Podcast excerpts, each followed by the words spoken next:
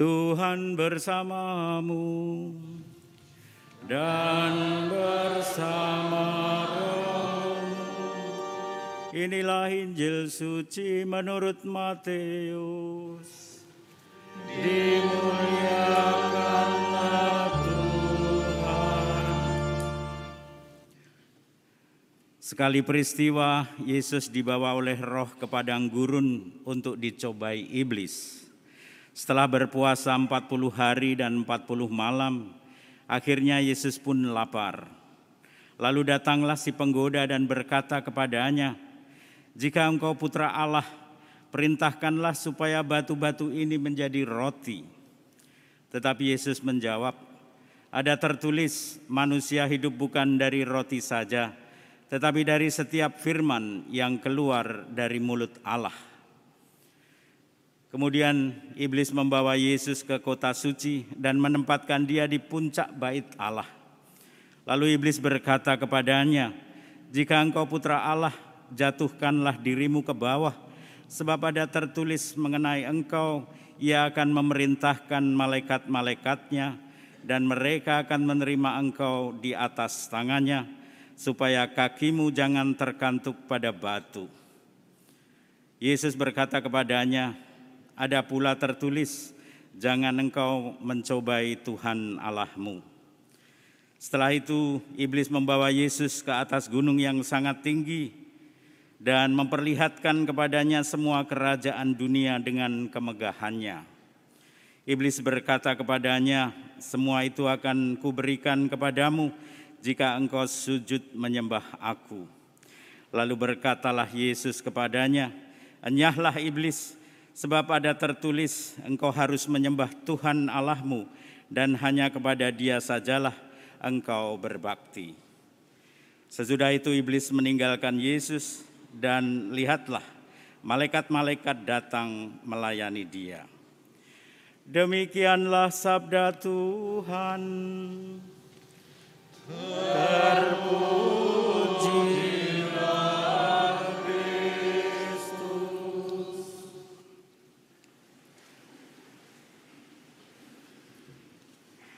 Bapak, Ibu, dan saudara-saudari sekalian yang terkasih di dalam Kristus, dalam karya saya sehari-hari, saya sering berjumpa dengan orang muda, dan saya sering mengajar drama, seni peran, dan juga membuat film, membuat skenario film. Kalau saya minta orang-orang muda ini mengadaptasi cerita dosa pertama Adam dan Hawa, kebanyakan mereka menerjemahkan dosa pertama Adam dan Hawa itu adalah sebagai dosa seksual. Digambarkan selalu Adam dan Hawa makan buah apel, lalu mereka tiba-tiba sadar bahwa mereka telanjang. Lalu kisah ini dengan mudah diterjemahkan sebagai dosa seksual. Tidak ada salahnya tentu saja, tetapi bagi saya ini terlalu klise. Terjemahannya dari dulu sampai sekarang selalu seperti itu saja. Tidak ada gagasan yang baru, yang berbeda. Padahal kalau kita cermati sungguh-sungguh bacaan pertama hari ini, dosa Adam dan Hawa adalah dosa karena melanggar perintah Tuhan yang melarang makan buah pengetahuan yang ada di tengah-tengah Taman Eden itu. Dan dikatakan ketika mereka makan buah pengetahuan itu, mereka menjadi tahu akan yang baik dan yang buruk. Manusia menjadi seperti Tuhan sendiri, tahu akan yang baik dan yang buruk. Pengetahuan itu sendiri tentu baik adanya, tetapi tampaknya kecenderungan manusia untuk berdosa menjadi sombong, ingin menyamai Allah sendiri, ingin menjadi Tuhan atas dirinya sendiri. Itulah yang membuat manusia jatuh di dalam dosa. Dan sekarang kita menyadari bagaimana pengetahuan itu bisa membuat kita sombong.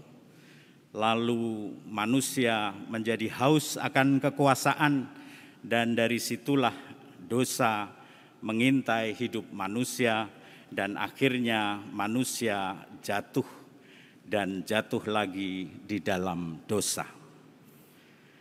Akhir-akhir ini di Indonesia ini kita disuguhi berbagai kisah bagaimana orang-orang kaya yang suka pamer kekayaan di media sosial akhirnya jatuh karena kesombongannya sendiri.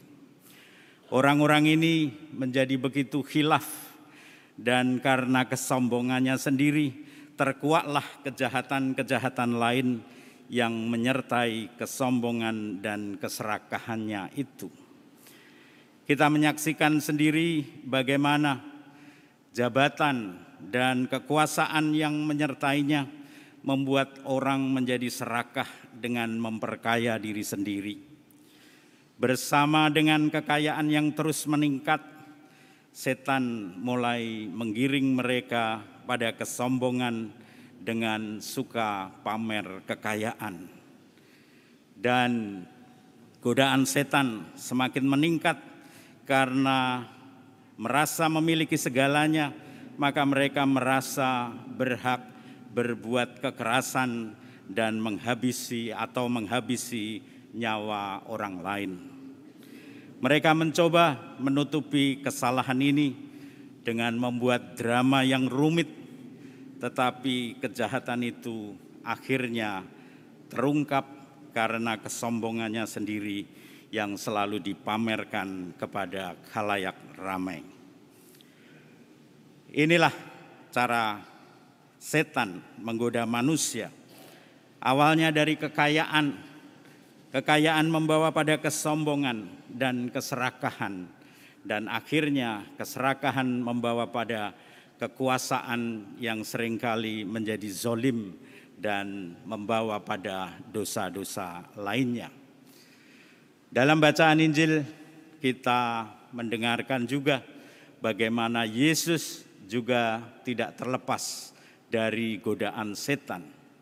Tetapi Yesus kuat dan mampu menolak godaan-godaan setan itu. Dalam kemanusiaannya, Yesus pun awalnya ketika ia berpuasa dan menjadi lapar, awalnya diminta oleh setan itu untuk mengubah batu menjadi roti. Ini seperti orang lapar yang diiming-imingi roti. Seperti orang miskin yang tidak punya apa-apa diiming-imingi uang, harta, dan kekayaan. Yesus kuat melawan godaan itu. Tetapi apakah kita manusia yang biasa ini bisa seperti Yesus ini. Lalu Yesus diajak ke atas bukit, disuruh menjatuhkan diri karena konon katanya Tuhan akan mengutus malaikat-malaikatnya dan akan menatang dia dan menyelamatkannya. Godaan untuk mencobai Tuhan, godaan untuk menjadi sombong, mencobai Tuhan, menyamai Tuhan. Yesus kuat. Tetapi apakah kita manusia yang biasa ini juga kuat menghadapi godaan seperti ini? Dan yang ketiga, Yesus diberi kekuasaan, dipameri kekuasaan atas seluruh dunia asal ia mau menyembah setan, menjadi pengabdi setan.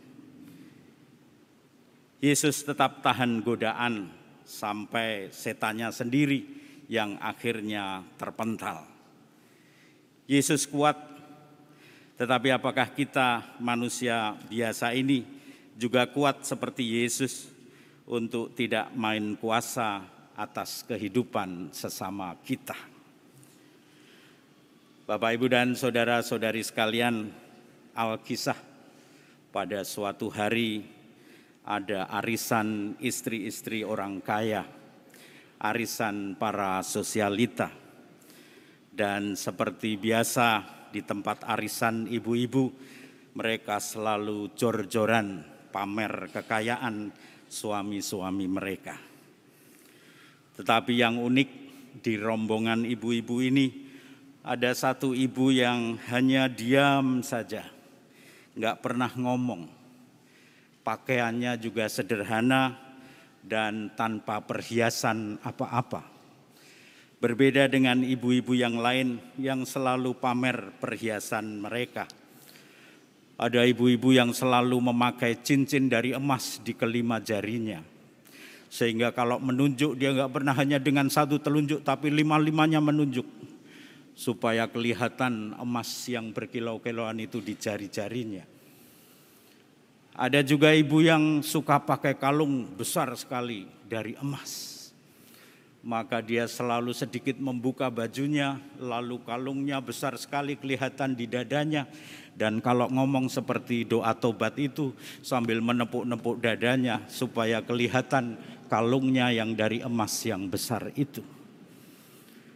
Dan ada ibu yang juga pakai anting-anting emas. Anting-antingnya besar sekali, lebih besar dari telinganya.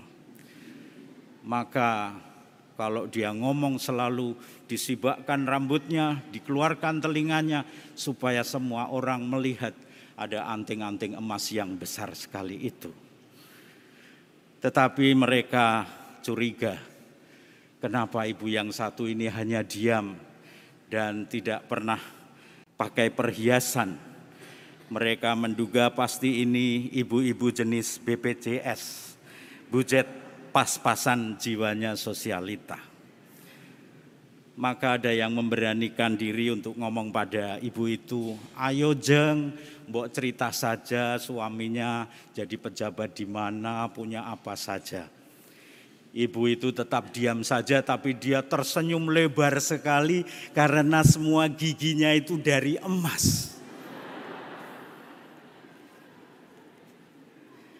Maka ibu-ibu yang lain mulai minder dan diam saja.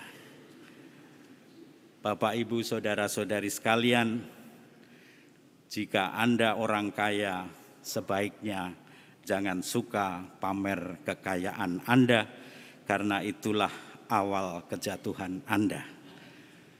Jika Anda orang kaya, berbagilah dengan orang-orang yang membutuhkan, karena Tuhan akan membuat anda semakin kaya hatinya. Kemuliaan kepada Allah di surga, Bapa, Putra, dan Roh Kudus. Seperti pada permulaan, sekarang, selalu, dan, segala abad. Amin.